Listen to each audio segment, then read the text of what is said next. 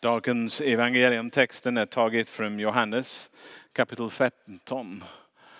Från vers 10 till 17. Om ni håller mina bud blir ni kvar i min kärlek. Liksom jag har hållit min fars bud och är kvar i hans kärlek. Detta har jag sagt er för att min glädje ska vara er och för att er glädje ska bli fullkomlig. Detta är mitt bud att ni ska älska varandra så som jag har älskat er.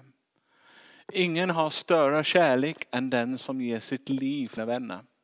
Ni är mina vänner om ni gör vad jag befaller er. Jag är inte längre tjänare. För tjänaren vet inte vad hans herre gör. Jag kallar er vänner för jag har låtit er veta allt som jag har hört om min far. Ni har inte utvalt mig utan jag har utvalt er och bestämt er till att gå ut och bära frukt. Och er frukt ska bestå. Då ska Fadern ge er vad ni än ber om i mitt namn. Och detta befaller jag er att ni ska älska varandra. Så lyder heliga evangelium.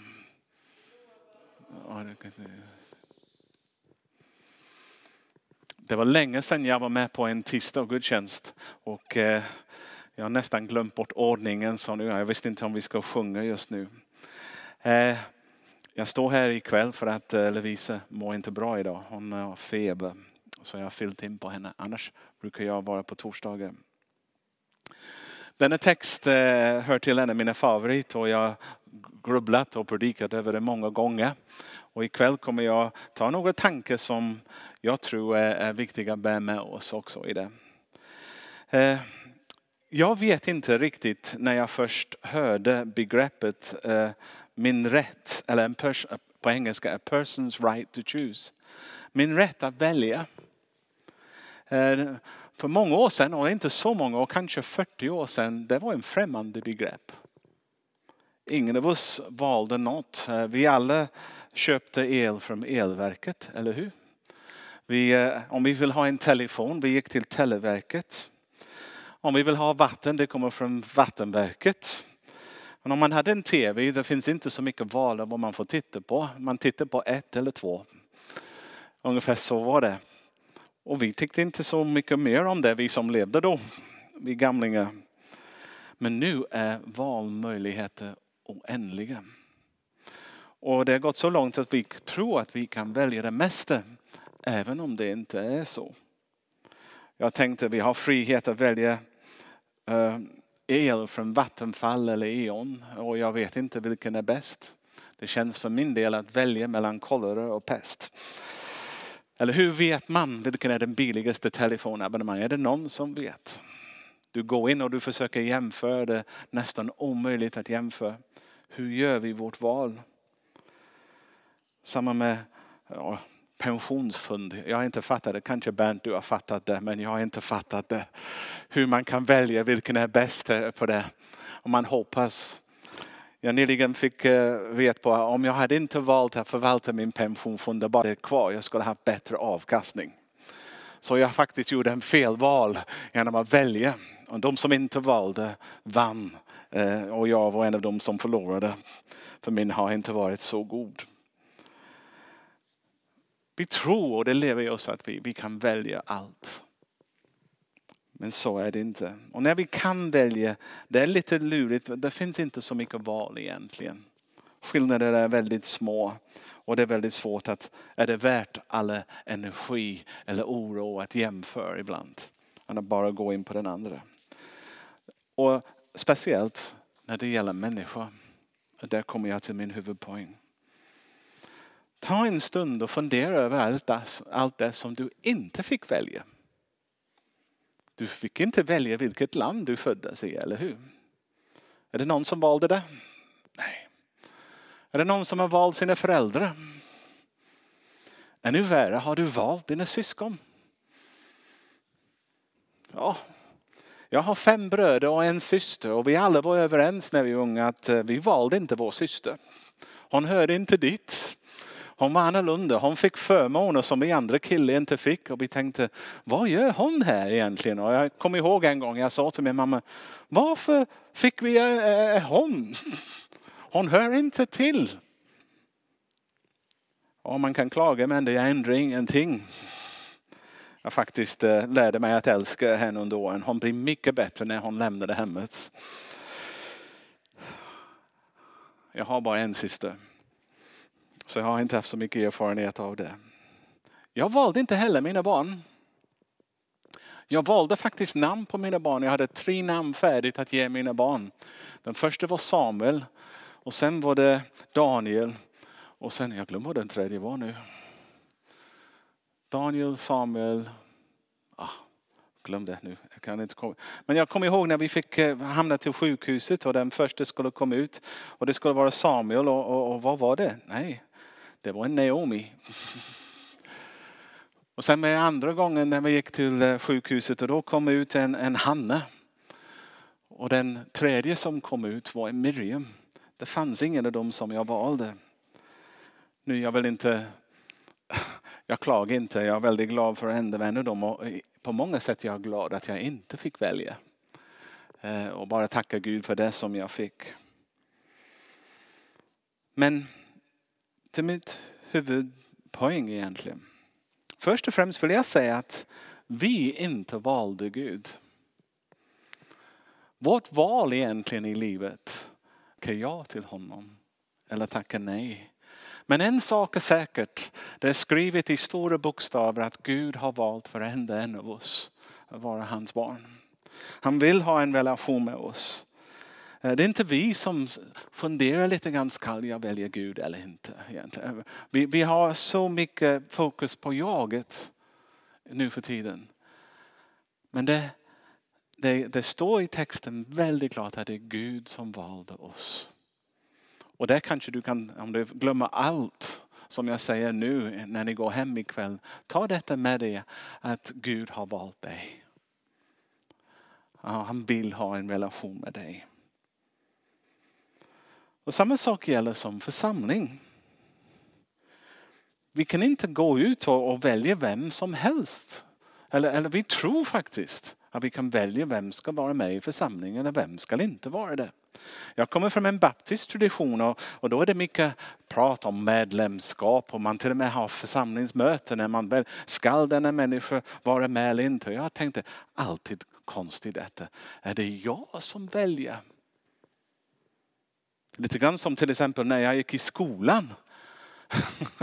Kan jag välja mina klasskamrater? Knappast.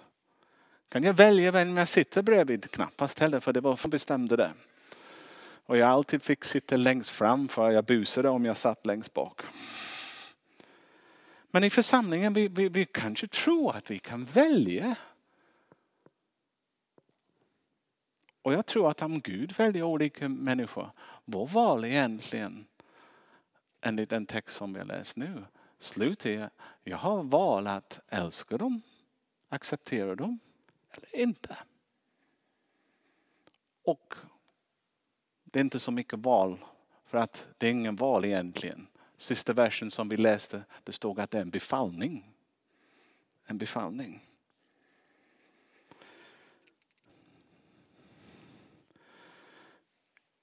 Jag tycker personligen att det är oerhört spännande vilka människor Gud drar till denna församling.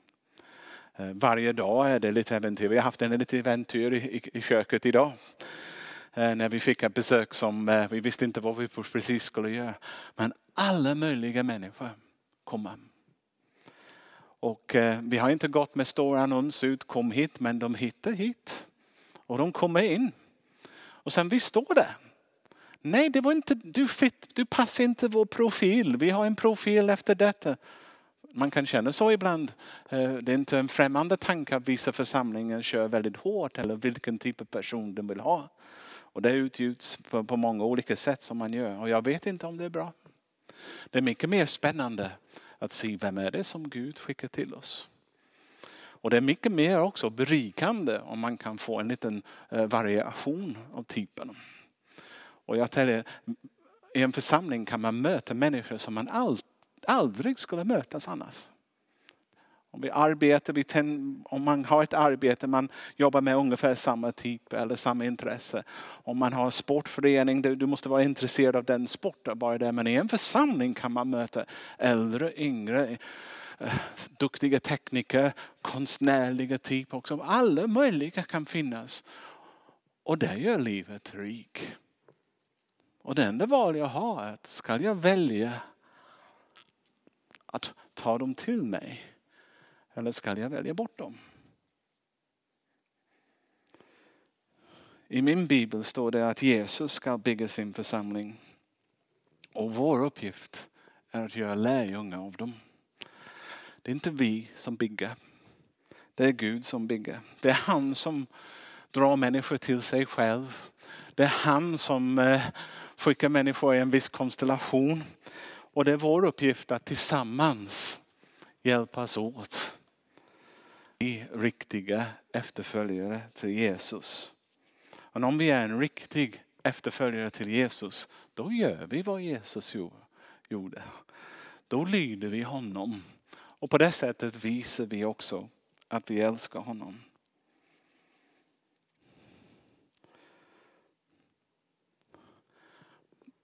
Jag undrar, jag, jag, tänker, de säger att Sverige är en av de mest ensammaste samhällen i världen. Jag undrar ibland när jag, när jag har hört faktiskt flera gånger uttryck, jag vill välja mina vänner. Jag är inte så säker om det är bra att välja våra vänner. Det är mycket bättre att välja att vara vän till de som behöver en vän istället. Och på min del, jag ska säga att eh, många av mina dyrbaraste vänner Många av de människor som har talat in i mitt liv och, och hjälpt mig med flera viktiga insikter och så vidare. Skulle jag aldrig valt om jag hade bara valt själv. Men eftersom jag valde att okej okay, Gud, de finns här i mitt liv. Jag har ett val. Ska jag älska dem eller ska jag inte? Och om jag vill verkligen vara en Jesu lärjunge måste jag välja att älska dem. Om ni vill ha någonting också till när ni går hem. Hur älskar man? Vad, vad, vad lägger Jesus i det begreppet älska? Sen finns det en annan sak som vi läste i den här texten att Gud har valt oss och sett oss samman för att bära frukt. Jag tycker det är otroligt tryggt. Vi behöver inte be om Gud, Gud att vi, Gud, vi vill vara fruktsamma, hjälp oss öka. Den saken är redan bestämt och klubbat i himlen. Det finns ingen fråga om det är Guds vilja eller inte. Han, han, har skapat oss inte bara för att rädda oss så att vi kommer till himlen. Han har skapat oss så att när vi kommer samman vi befruktar varandra och också den frukten ska gå utanför våra väggar, utanför vår egen inre krets och till andra människor runt omkring. skrivit här, Gud rädda oss från fördärvet, från att gå evigt förlorad. Men han också räddade oss från meningslös och meningslöshet och passivitet. Han har en uppgift för var och en av oss. Han till och med har en familj för var och en av oss.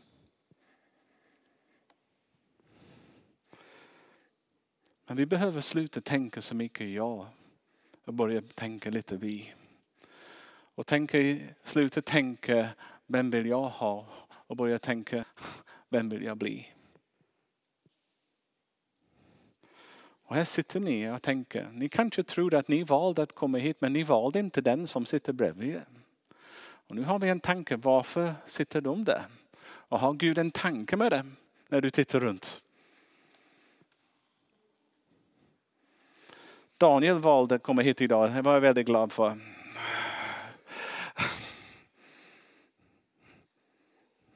Daniel har sagt att han ska komma och lyssna till mig många gånger men det har inte blivit så. Så jag drev med honom idag. Jag sa, frågade honom vad är det som...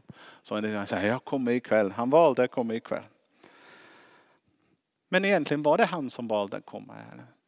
Och man kan börja tänka, man kan börja lite filosofiskt. Varför är jag här? Eh, vad var det som ledde till att jag kom i kontakt med, med er och dig? Och plötsligt var, kanske Gud har verkat i bakgrunden. Och kanske Jag ställer frågor till er, ni kan svara på det. Kanske har Gud en plan för det. För, med det.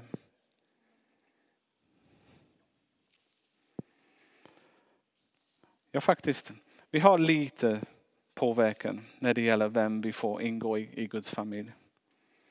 Den val Guds och endast Guds. Jag har hört också att Gud, jag vill ha lika många eh, syskon som Gud har. En väldigt bra uttryck.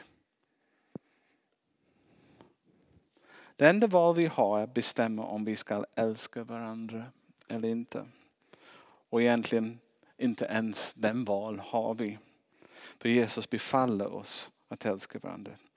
Ni har inte utvalt mig utan jag har utvalt er och bestämt er att ni ska gå ut och bära frukt och frukt ska bestå. Då ska Fadern ge vad ni än ber honom om i mitt namn. Och detta befaller jag er att ni ska älska varandra. Nu är jag inte alltid säker på att vi fattar vad kärleken är. För någonting. Vi lever i en tid när den, den orden har tappat sin, sin eh, innebörd. Eh, kärleken, jag har sagt flera gånger från denna predikstolen när jag lyssnar till kärlekssånger också. Jag vill ha dig. Jag behöver dig. Mm, jag tänker när jag lyssnar till den sången, vem, vem handlar det om? Jag.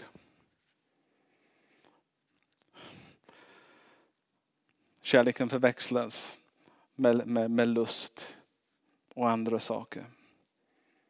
Problemet är att kärleken i sitt väsen är någonting vi ger till varandra. Det är inte någonting vi tar från varandra. Kärleken är någonting du ger som till någon. När du önskar någon annans bästa. Det, kommer inte, det är inte obligatoriskt på det sättet att du är tvungen till det. Det är någonting som du, du vill ge. Det står i första Korinthierbrevet 13. Ni kan den här texten nästan utan till men jag läser det ändå. Kärleken är tålig och mild. Kärleken avunds inte. Den skryter inte. Den är inte uppblåst. Den beter sig inte illa. Den söker inte sitt.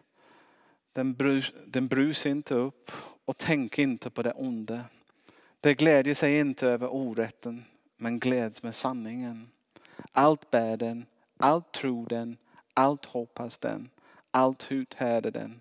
Kärleken upphör aldrig.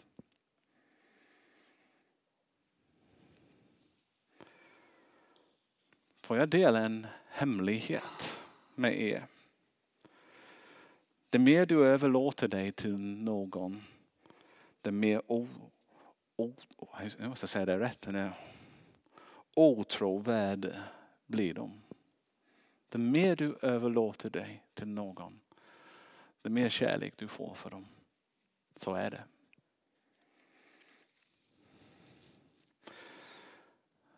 Så vad säger Gud till oss? Ja, om vi vill tro. Jag tror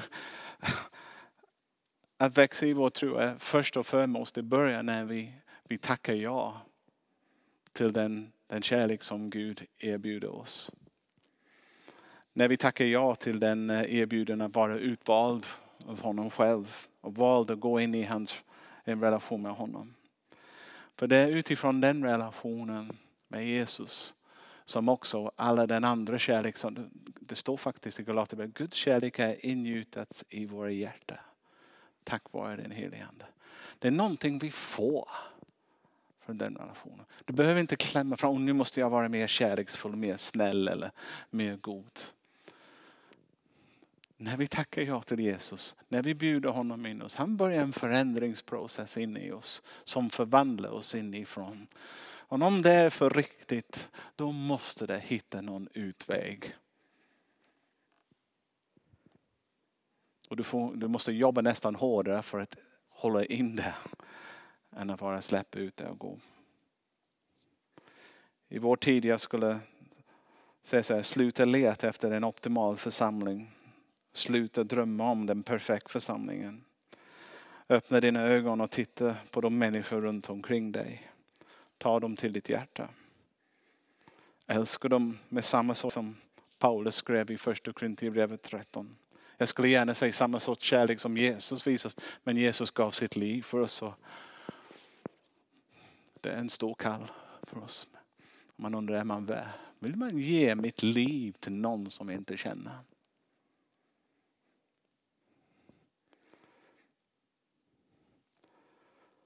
Vi behöver åter, åter, överlåta oss till varandra och tillåta Gud att jobba i oss för att bygga broar så att frukten kan bestå. Det står också i, att eh, världen ska veta att vi är Jesu lärjungar genom den kärlek vi har till varandra. Det är det som orsakar att människor följer Jesus.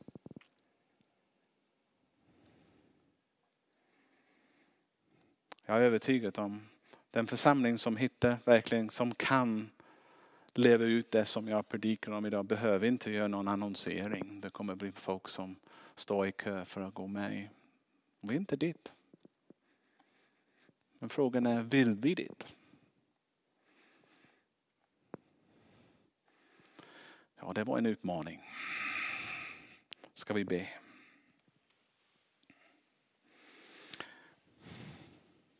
Ditt ord ibland är så radikal. Vi kan läsa det och, och, och innehållet av den kan lätt gå oss förbi. Men det som vi har läst idag är, är, är verkligen sprängkraft. Så jag ber att du hjälper oss Jag tackar ja till din inbjudan. Lyder dig och hittar styrka och kärlek i dig för att gå ut i världen och göra en skillnad. Men Gud, innan vi går ut i världen, jag ber än att vi ska visa varandra som, som är här idag.